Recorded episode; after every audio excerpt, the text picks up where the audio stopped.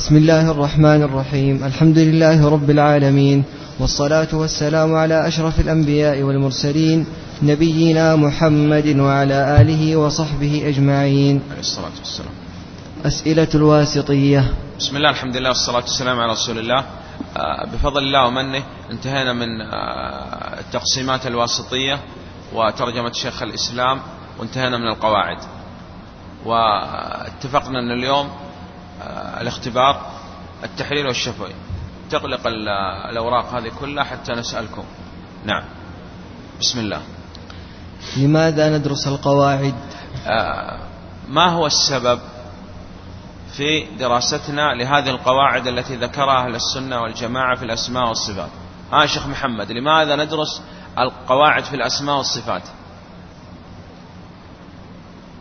أولا لأن هذه هي طريقة أهل السنة والجماعة في دراسة الأسماء والصفات أن نقعد لنا قواعد حتى نسير على هذه القواعد. صح؟ واحد. الثاني القواعد مو التوحيد. نعم. أي نعم لأنها تجمع أمور كثيرة متفرقة. تجمعها لك في كلام موجز مختصر. صح؟ فاحرص على فهمك للقواعد جامعة المسائل. يعني كل شيء يكون بعيد عنك القاعدة بإذن الله تجمع لك. مفهوم؟ إذا طريقة أهل السنة والجماعة يقول الشيخ أيضا فيه يعني بهذا القواعد نستطيع الرد على أهل البدع وفيه تجمع أمور كثيرة متفرقة تجمعها لك بكلام مختصر سهل واضح. نعم. ومن وضعها؟ من وضع هذه القواعد؟ القواعد يقول تنقسم إلى قسمين. قواعد هي في الأصل نص من كتاب وسنة. مثل قال الأمور بمقاصدها. هي الأعمال بالنيات. نص. صحيح؟ نعم. لا ضرر ولا ضرار. قاعدة وهي نص. انتهينا. إذا هذه القواعد إذا كانت نص لا يمكن يدخلها خطأ أبدا. لأنها ليست عن طريق الاجتهاد وإنما جاءت من نصوص الكتاب والسنة. مفهوم يا أخي؟ إذا هذا القسم الأول من القواعد. القسم الثاني من القواعد وضعها أئمة أهل السنة والجماعة. هذا الذي هذه القواعد الذي وضعها أهل السنة والجماعة فهي قد تكون صحيحة وقد تكون خطأ لأنها وضعت عن طريق الاجتهاد. مفهوم؟ نعم. بعده ولماذا؟ لماذا هذا الأول؟ نعم اللي ذكرنا أول شيء. نعم. حتى يجمع مسائل الشوارد ورد على أهل البدع وأن هذه طريقة السلف في دراسة الأسماء والصفات. نعم. وكيف إذا خالفت النص ولماذا؟ يقول إذا خالفت النص طبعا هذا القسم الثاني اللي عن طريق الاجتهاد. إذا خالفت النص العبرة بالقاعدة أو بالنص؟ العبرة بالنص. نعم. ولماذا؟ قال لأنها الله سبحانه وتعالى قال وإن تنازعتم في شيء فردوه إلى الله والرسول إن كنتم تؤمنون بالله واليوم الآخر. نعم. قال أقول قال رسول الله صلى الله عليه وسلم وتقولون قال أبو بكر وعمر. فليحذر الذين يخالفون عن أمره أن تصيبهم فتنة أو يصيبهم عذاب أليم. وأخذنا هذا الأمر كثير في كتاب التوحيد. نعم. خلاصة القواعد. خلاصة القواعد. اتفقنا أن القواعد نستطيع أن نلخصها في ثلاث قواعد. وقلنا هذه الثلاثة قواعد تطبقها في كل آية وحديث جاء فيه اسم أو صفة من صفات الله. القاعدة الأولى إثبات كل ما أثبت الله لنفسه وأثبت له رسوله صلى الله عليه وسلم. والدليل وهو السميع البصير. القاعدة الثانية تنزيه الله سبحانه وتعالى عن مماثلة المخلوقين.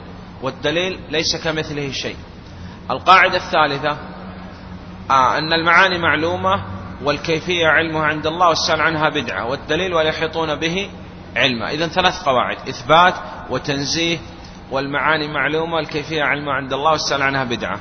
أنا أقول للطلاب إذا جاءك سؤال في الاختبار ما هو قول أهل السنة والجماعة في الاستواء؟ أقول تقول دائما نثبت لله سبحانه وتعالى استواء حقيقي يليق بجلاله عظمة لا ماثل استواء المخلوقين. تقول هذا في كل الأسماء والصفات صحيح؟ نعم. لكن الإشكال أحيانا نأتي بأشياء لم ترد في الكتاب والسنة وسوف يأتي معنا. الجهة والجسم والمكان والحيز. فقد أنه في الاختبار أن يخطئ يقول نثبتها لله. ما نستطيع أن نثبت لله ما لم يرد في الكتاب والسنة. نعم. إذا ثلاث قواعد. إثبات التنزيه والمعاني معلومة الكيفية علم عند الله والسنة عنها بدعة. نعم.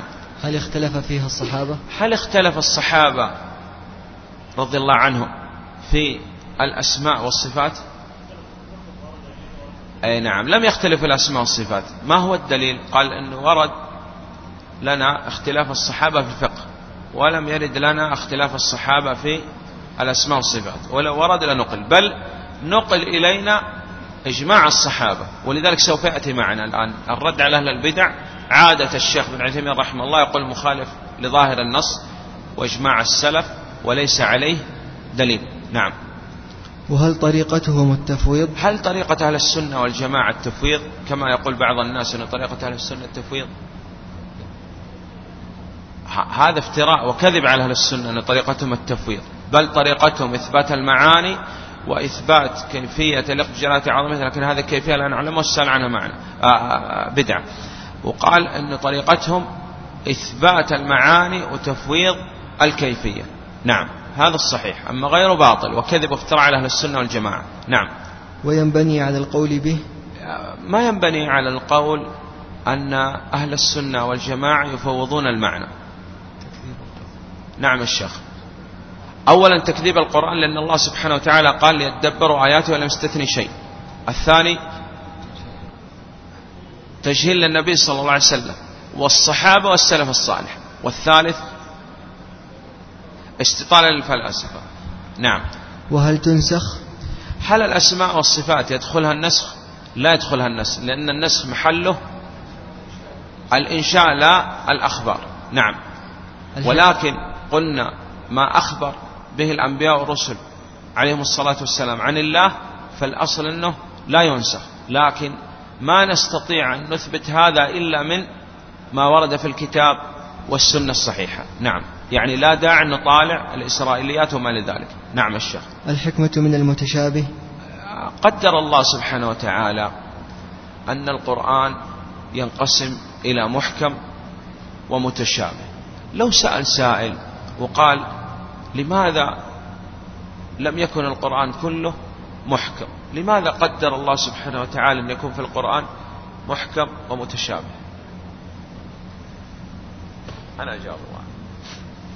يقول أولا لا يسأل عما يفعل وهم يسألون. ونحن عبيد والعبد ليس له إلا السمع والطاعة واحد. الثاني قدر الله سبحانه وتعالى وقوع المحكم والمتشابه في القرآن حتى يجتهد العلماء ويرد الآيات المتشابهة إلى الآيات المحكم ويحصل لهم بهذا الأجر. صح؟ نعم. الثالث حتى يعلم الذين في قلوبهم زيغ. لأن الذين في قلوبهم زيغ يتبعون ما تشابه منه. صحيح؟ ابتغاء الفتنة وابتغاء تأويله. والراسخون في العلم يقولون آمنا به كل من عندي من عند ربنا. الرابع يقول أن بعض الناس يظن أن في الكتاب والسنة تناقض وتعارض وأن هذه الآيات تخالف بعض. فيأتي العامي أو الجاهل إلى العالم وبهذا يعرف هذا العامي والجاهل أن هذا العلم ليس فيه تناقض ولا تعارض. ولو كان من عند غير الله لوجدوا فيه اختلافا كثيرا. دلت هذه الآية أنه عندما كان القرآن من عند الله لا يمكن يكون فيه تعارض أو اختلاف. مفهوم؟ نعم. هذه أمور أربعة والله أعلم. إذا قدر الله سبحانه وتعالى وقوع المحكم والمتشابه لحكمة وأن الله ما يقدر شيء إلا حكمة. الأول تقول لا يسأل عما يفعل وهم يسألون ونحن عبيد ولا بد العبد الرضا والتسليم. نعم بعده وهل هي من المحكم أو المتشابه؟ هل آيات الأسماء والصفات من المحكم أم من المتشابه؟ نعم الشيخ عبد الرحمن. نعم هي من المحكم الذي اتضح معناه من حيث المعنى فمعانيها واضحة بينة. ومن المتشابه المطلق الذي لا يعلم إلا الله من حيث الكيفية. إذا لو سئلت هل آيات الأسماء والصفات من المحكم والتشابه تقول هي من المحكم البين الواضح من حيث المعنى.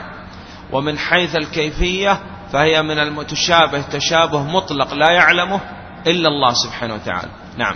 هل في القرآن ما لا يمكن الوصول هل في القرآن أو السنة ما لا يمكن الوصول إلى معناه؟ نعم. لا. لماذا؟ لأن الله سبحانه وتعالى خاطبنا بما نعقل ونفهم. ولا يمكن يكون أكثر ما في القرآن لا يمكن الوصول إلى معناه تكذيب للقرآن تجهيل للنبي صلى الله عليه وسلم واستطال الفلاسفة نعم. أقسام الناس في المجاز؟ آه انقسم الناس في تقسيم الكلام إلى حقيقة وإلى مجاز إلى أربعة أقسام. القسم الأول قالوا أن الأصل في الكلام الحقيقة ولا مجاز لا في كتاب ولا في سنة ولا في لغة. والقسم الثاني قالوا أن الأصل في الكلام المجاز ولا حقيقة. هذا قول باطل اتركه. الثالث أنه لا مجاز في الأسماء والصفات أو في القرآن. والقسم الرابع أن تقسيم الكلام إلى حقيقة وإلى مجاز واصطلاح بعض المتأخرين. وعلى اعتبار إذا وجدنا من يقول بالمجاز سواء كان في اللغة أو في شيء من القرآن هو متفق مع أهل السنة لابد يكون متفق مع أهل السنة في ماذا؟ في أنه لا مجاز في الأسماء والصفات. لكن نحن نرجح القول الأول لماذا؟ حتى تكون القاعدة مضطردة. لأن لو أثبتنا المجاز في اللغة لابد نثبت في القرآن. لأن القرآن نزل بلسان عربي مبين. وإذا أثبتنا في بعض القرآن يلزمنا هذا إثبات المجاز في كل القرآن ولا نستثني آيات الأسماء والصفات. ولذلك إحنا رجحنا القول الأول اختيار شيخ الإسلام لأمور. أولا حتى تكون القاعدة مضطردة. الثاني أن هذا قال عنه شيخ الإسلام اصطلاح حادث بعد انقراض القرون الثلاثة المفضلة. لم يقل به لا الصحابة ولا التابعين أتباعهم والثالث أنه سلاح أهل البدع وأن بل هو طاغوت. والرابع أن يفتح باب شر على الناس لأنه من يعني فتح هذا الباب يبدأ في باب التلاعب في نصوص الكتاب والسنة. السادس أن من أنكر المجاز لا يلحق إثم بخلاف من أنكر حرف واحد من القرآن. قد يكفر نسأل الله السلامة والعافية. نعم. وبهذه الأمور يعني نرجح القول الأول واختيار شيخ الإسلام وهذا قال يرجح الشيخ بن عثيمين والشيخ الألباني والشيخ بن باز وغيرهم رحم الله الجميع. نعم يا أخي. سبب دراسة الأسماء والصفات لماذا ندرس الأسماء والصفات؟ ما هو السبب أننا يعني ندرس هذه العقيدة الوسطية؟ وقلنا العقيدة الوسطية ركزت على توحيد الأسماء والصفات. أولا لا يمكن الدخول في التوحيد إلا بإثبات بإفراد الله سبحانه وتعالى بأنواع التوحيد الثلاثة ومنها توحيد الأسماء والصفات. ولا نسأل الله السلامة والعافية يكون مشرك. الثاني أشرف العلوم. أي نعم. الإيمان بالله سبحانه وتعالى. لا يتم الإيمان قالوا. أصل العلوم. أي نعم. حتى نكون مع أهل السنة ولا نقع فيما وقعت فيه الفرق الضالة. نعم. حتى فادعوه بها. حتى ندعو الله سبحانه وتعالى والدعاء يشمل دعاء عبادة ودعاء مسألة وغيره كثير. بل سبب لدخول الجنة. نعم. وحياة القلوب وأكثر ما يتشوق إلى المسلم هو التعرف على الله سبحانه وتعالى. وكيف تعبد رب ليس له أسماء وصفات. نعم. يا أبت لما تعبد ما لا يسمع ولا يبصر ولا يغني عنك شيئا. نعم. طريقة الدراسة. طريقة الدراسة. ما هي طريقة الدراسة؟ أولا أننا نسير في الدراسة على ما سار عليه السلف. والسلف كانوا لا يسألون عن أشياء إذا لا نسأل نحن من باب أولى لأنهم أحرص علم منا وأتقى لله منا. والمسؤول النبي صلى الله عليه وسلم أعلم الخلق بالله وأنصح الخلق للخلق. الرابع الغرض من الدراسة لا بد يكون هو تعظيم الله سبحانه وتعالى. ولذلك مالك رحمه الله عندما سئل عن الاستواء يقول طأطأ رأسه على العرق. لماذا؟ لأنه سئل عن عظيم. ولا يمكن أن يكون دراستنا للأسماء والصفات كدراستنا لترجمة إنسان صح؟ لأن هذا ها هو الله سبحانه وتعالى لابد أن يعظم مفهوم؟ إذا الغرض من دراسة الأسماء والصفات هو تعظيم الله سبحانه وتعالى وذلك قلنا آه، كثرة الأسماء والصفات تدل على عظم المسمى والموصوف سبحانه وتعالى وكثرة التعلق به سبحانه وتعالى. نعم. كيف ندرسها للعوام آه، ندرسها للعوام. هل العوام يعني ندرسهم كل الأمور ونفصل لهم ونذكر لهم الردود وأقوال أهل البدع وكذا؟ أو لا ندرسهم شيء. أو نتدرج بهم حتى نصل إلى الكمال. ولذلك يعني إحنا أرشدنا في أول درس أنه الأصل ندرس الطالب الأصول ثلاثة ثم القواعد ثم الدروس ثم كتاب التوحيد ثم بعد هذا الواسطية. وهذا الأصل. قال حدثوا الناس بما يعرفون. وقلنا محمد عبد الوهاب من فقه رحمه الله أنه جعل هذا الأثر في باب من جحد شيئا من الأسماء والصفات.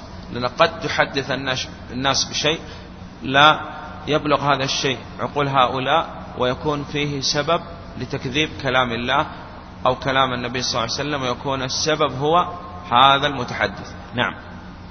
هل يشير بيده؟